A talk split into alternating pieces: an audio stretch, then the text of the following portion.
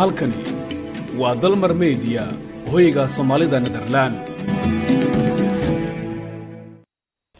Nou, welkom uh, beste kijkers um, bij onze podcastserie in het kader van het project uh, mijn naam is Abdrahman Hamza. In deze podcast, in deze podcastserie um, gaan we het hebben over VGV, oftewel vrouwelijke genitale verminking. Um, ook wel meisjesbesnijdenis genoemd in het volksmond. in deze podcastserie komen verschillende onderwerpen aan bod met als doel om kennisoverdracht en bewustwording te creëren bij de doelgroep waar het voorkomt.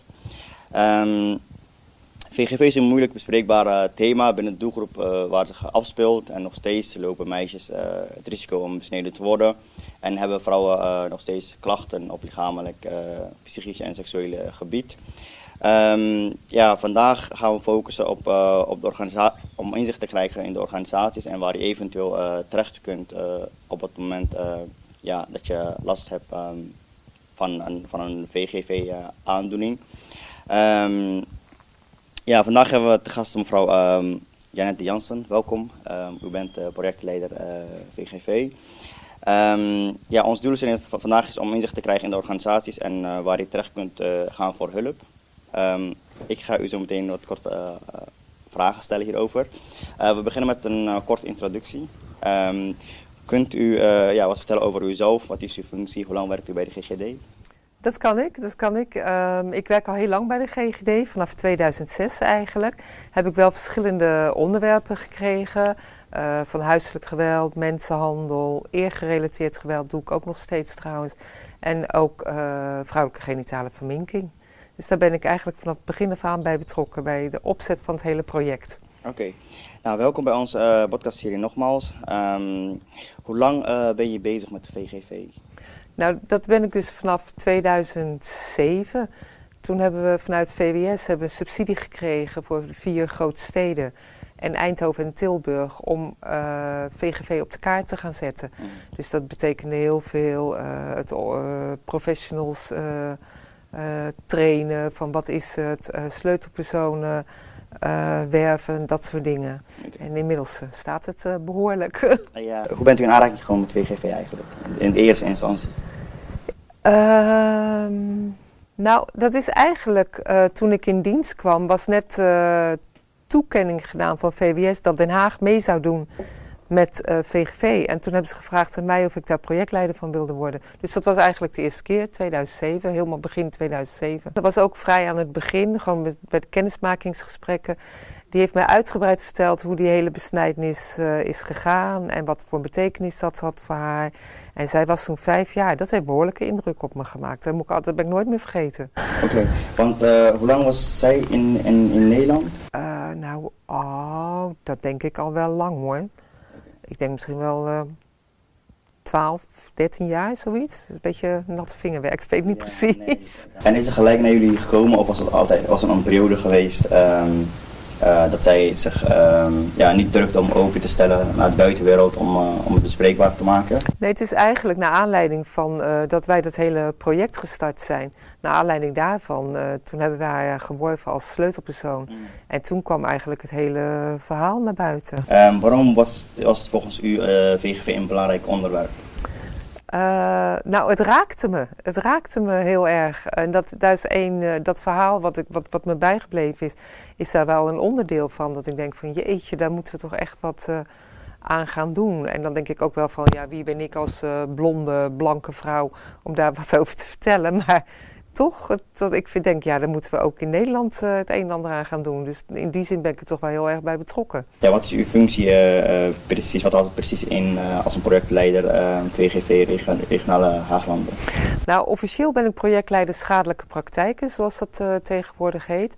En schadelijke praktijken zijn eigenlijk alle vormen van onderdrukking of geweld.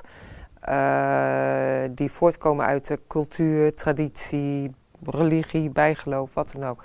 En het nadeel is dat het vaak door ouders of familie gedaan wordt. Dus dat het ook heel moeilijk uh, uit te bannen is. Want het gaat van generatie op generatie op generatie. Ja, en, en wat, wat ik dan doe als projectleider, als ik me gewoon even focus op uh, eh, VGV, is uh, met name het coördineren en faciliteren. We geven deskundigheidsbevordering aan professionals. En vaak doe ik dat niet zelf, maar hebben we wel mensen die dat uh, doen voor ons. Nou, de sleutelpersonen. Uh, als je kijkt naar het hele programma VGV, heb je sleutelpersonen die gesprekken doen, voorlichtingen geven. Nou, je hebt replays met jongeren, je hebt de changemakers.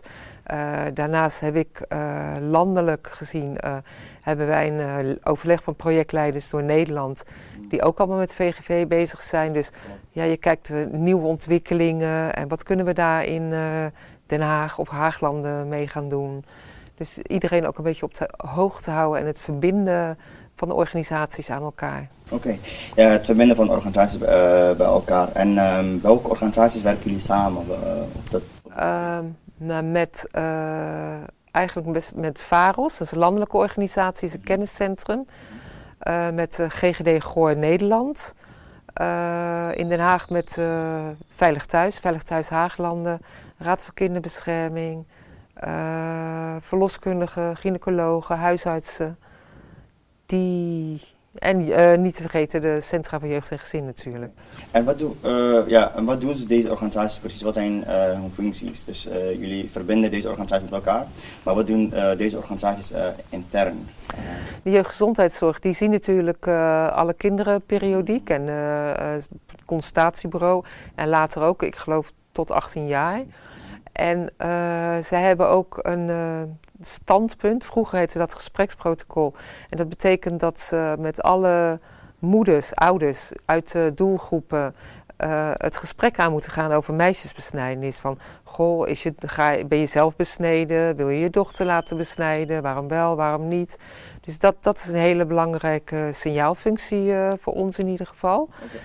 En uh, VAROS is eigenlijk het kenniscentrum landelijk. Dus die hebben veel contacten met VWS en ook met ons, omdat zij uh, ja, nieuwe ontwikkelingen, uh, landelijke dingen trekken. De verloskundigen, die, uh, ja, die zien de, de moeders, de zwangeren natuurlijk. Ja. En wij vinden het altijd heel belangrijk dat ze ook vragen of ze besneden zijn, omdat je anders met een bevalling natuurlijk voor allerlei complicaties komt te staan als je het van tevoren weet. Dus die moeten ook weten van wat uh, eh, VGV is en uh, hoe ze het uh, gesprek aan kunnen gaan. De voorlichting die verloskundigen over VGV, want zij hebben namelijk te maken met vrouwen die ja, mogelijk VGV hebben ondergaan. Um, krijg je de vraag vanuit hun kant dat ze zeg maar meer vragen naar voorlichting over VGV? Het gebeurt wel, niet zo heel veel moet ik zeggen. Nu hebben wij wel ook een uh, eh, VGV-werkgroep waar al deze organisaties in zitten. En daar zit ook een verloskundige in. En zij is dan eigenlijk de vertegenwoordiger van de verloskundige voor ons. Dat zij het ook verder vertelt en dat ze signalen oppikt. En als ze voorlichting willen, dan krijgen ze ook een voorlichter van ons. Dat is geen probleem. Zie je uh, de kennis van professionals over VGV in de afgelopen uh, jaren dat het aan het toenemen is? Er zijn nog steeds groepen waarvan ik denk, nou, daar moeten we nog echt wel aandacht aan besteden hoor. En dan denk ik bijvoorbeeld aan de kinderopvang. Uh, de huisartsen, een aantal weten het wel. Het is een beetje afhankelijk in welke wijken ze in Den Haag wonen, of ze, of ze patiënten krijgen die daarmee te maken hebben. Ja. Maar dat zijn wel uh, aandachtsgebieden, om het zo maar te zeggen. En wat kunnen ze beter doen op dit gebied? Dus om, uh, ja, om meer kennis, om meer voorlichting te geven over, over dit gebied. Wat kan beter volgens u? Nou, ik denk het, het uh, als ik naar huisartsen kijk, denk ik het, het signaleren. Hè. Uh, er wordt niet standaard gevraagd uh, bij een vrouw als ze buikpijn heeft of psychosomatische klachten van bent u besneden.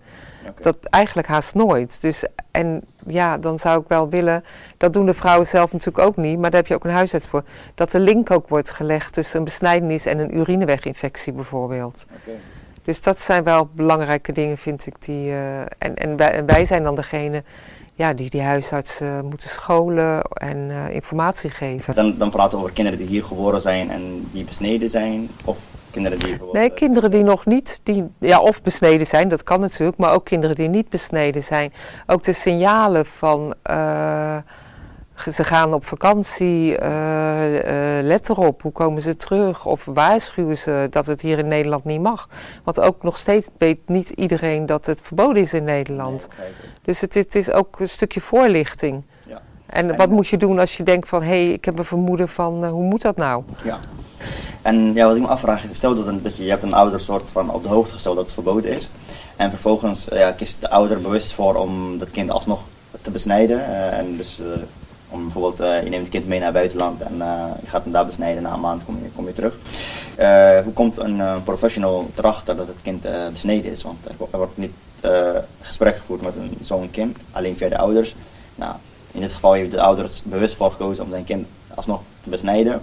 Uh, hoe, hoe, kan een professional erachter komen dat het kind uh, alsnog besneden is? Soms is het heel moeilijk, maar op scholen kan je ook wel meemaken dat kinderen uh, heel stil worden of heel teruggetrokken, niet mee willen doen met gym. Dat zijn allemaal signalen dat je denkt van hé, hey, ik moet eens met dat kindje gaan praten. Of vooraf kan je het ook wel zeggen, als een kind zegt ja, we gaan naar ik noem maar wat, Somalië. En uh, we hebben een heel groot feest en zo. Dan denk ik, ja, dan moeten ook wel alarmbellen gaan uh, rinkelen. En het hoeft natuurlijk niet altijd, maar het zijn wel signalen nee, waar je rekening mee en, dan en dan kan zo'n professional gaan vragen. En um, ja, wordt ook met nadruk uh, gelegd van, zeg maar, dat je onderzoekt of kind daadwerkelijk besneden is? Of um, krijgen bijvoorbeeld leraren en uh, mensen die daar verantwoordelijk zijn om een kind te onderzoeken of die besneden is als hij in het buitenland is geweest? Ja, dat mag in Nederland niet, hè? Dat is in uh, de jeugdgezondheidszorg. Die onderzoekt natuurlijk wel de kinderen. Maar die mogen in principe boven de vier mogen ze niet onderzoeken of een kindje besneden is. Dus dat is altijd wel moeilijk. Ja. En soms is het wel zo dat uh, als er echt hele grote vermoedens zijn, mm. bij Veilig Thuis bijvoorbeeld, dat ze dan uh, naar de uh, gynaecoloog in het Haga ziekenhuis gaan om te vragen of ze onderzocht kan worden. Wordt de leraar daarvan op de hoogte als het kind bijvoorbeeld uh, zomervakantie in buitenland is geweest? Ja, we zijn, in, uh, aan het begin van het jaar, meestal in mei, krijgen alle scholen wel een brief met uh, van uh, denk eraan, van mensen gaan op vakantie, let erop, meisjes kunnen besneden worden en met een hele rij met signalen waar ze dan op kunnen letten. Dus ja, het is een landelijke campagne eigenlijk, ja. Kunnen, als het kind besneden is, dan kunnen ze daar inderdaad een straf uh, voor krijgen. Nou moet ik zeggen dat er in Nederland nog geen enkele keer iemand is veroordeeld voor een, uh, dat een dochtertje is besneden. Dus, uh, maar het kan wel, het is strafbaar. En eigenlijk wat wij met name ook met de GGD en alle organisaties proberen te doen, is preventief. Dus bij, als er vermoedens zijn voor een besnijdenis, dat dat gemeld gaat worden bij Veilig Thuis.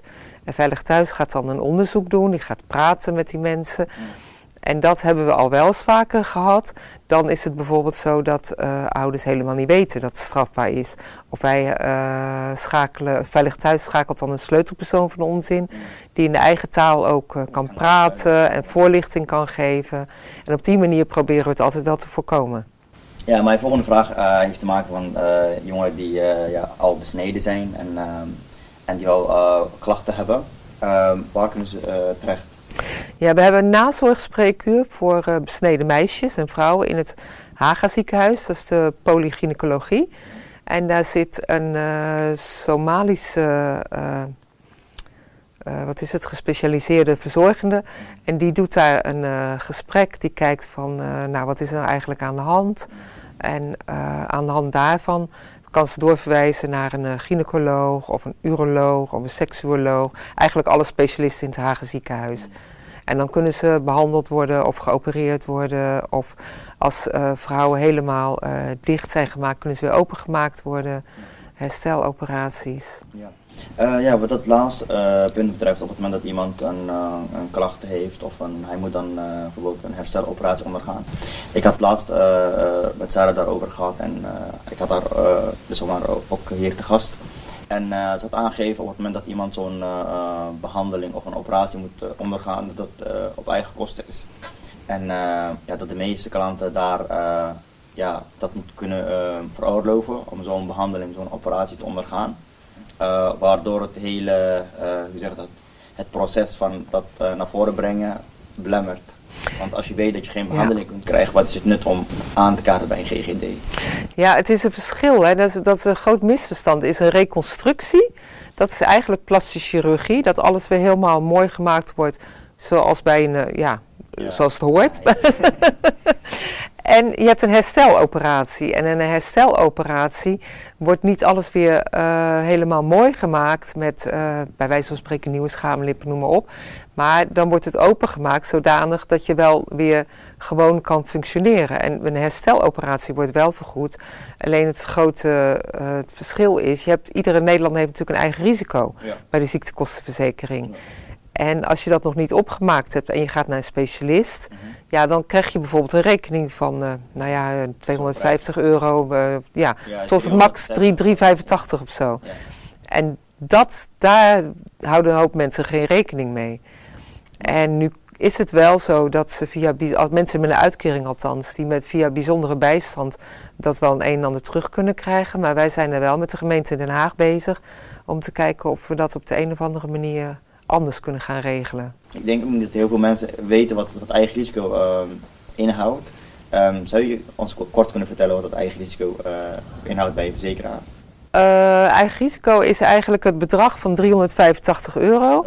Wat elke Nederlander moet betalen als die eh, naar een specialist of bij een tandarts bijzondere behandeling. Nou ja, eigenlijk alle zorgdingen, behalve de huisarts. De huisarts is eh, gratis, om het zo maar te zeggen.